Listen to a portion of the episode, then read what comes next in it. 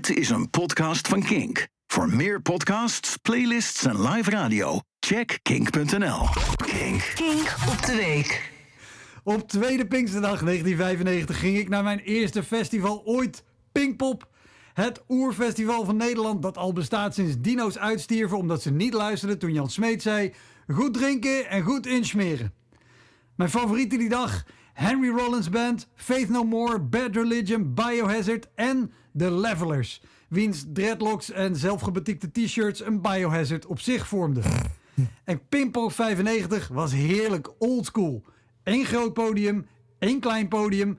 En als er een band was op het ene, dan was er geen band op het andere. Schermen? Nee joh. Als je het beter wilde zien, dan moest je gewoon naar voren crowdsurfen. Wie schermen wilde, die werd maar lid van een sportvereniging. En als er wel schermen waren, had je er eind jaren 90 toch niks van gezien.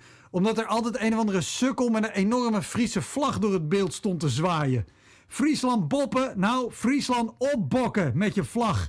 Ga maar in de weg staan bij bowlingcentrum met Haske en Jouden, mafkiees. Ook qua eten en drinken was het ouderwets overzichtelijk. Friet, pannenkoeken of een stuk pizza, dat was het wel. En dat voor prijzen waar je nu niet eens meer een statiegeldbeker voor koopt. Overigens, niks dan lof voor het statiegeldsysteem. Want vroeger liep je aan het einde van de avond over een tapijt van bekertjes. Dat bij elke stap meer kraakte dan de hele Levelers fanclub bij elkaar. Veel andere echt grote festivals had je niet in Nederland. Lowlands bestond pas sinds 93 en was toen nog een beter bewaard geheim dan Best Kept Secret ooit is geweest. Kijk, in Den Haag had je Parkpop en dat was gratis. En dus waren de bands ook iets minder aantrekkelijk. In 95 stond Stiltskin daar. De band waarvan wij, nog zij, toen nog niet wisten dat het bij die ene hitsingle Inside zou blijven. Overigens waren de Levelers ook op Parkpop dat jaar. Niet om op te treden, maar om lege bekers te rapen in ruil voor consumptiebonnen. In de jaren daarna kwam ik nog vaak terug op Pinkpop. Er kwamen festivaldagen bij, er kwam een tent bij, het tijdperk Jan Smeets ging voorbij. De Pinkstermaandag was niet langer heilig. En toen er acts als Tiesto, Sugar Babes en Justin Bieber werden geboekt, leek ook de eis van goede muziek niet langer heilig.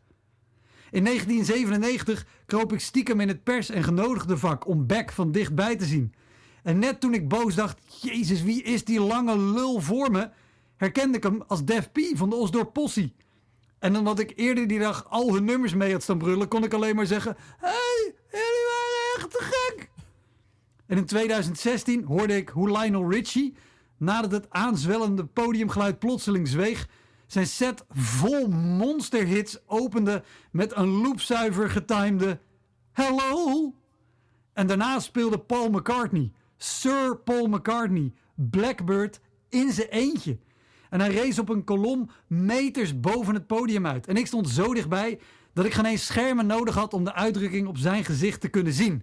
Een uitdrukking die zei: Waarom staan al die grote vriendengroepen hier maar bier te zuipen en er doorheen te lullen? Get back to where you once belonged. Nou ja, geintje. Het was een uitdrukking die zei: Oeh, als ik hiervan aflazer, dan kost me mijn heup. Pinkpop is misschien niet het meest vooruitstrevende, niet het spannendste en misschien zelfs niet eens het beste festival dat we hebben. Pinkpop is gewoon Pinkpop. En dat moet het nog heel lang blijven. Bedankt voor het luisteren naar deze Kink-podcast. Voor meer podcasts zoals Kink Fast, De Kleedkamer van Joy of More Than a Feeling, check de Kink-app of kink.nl.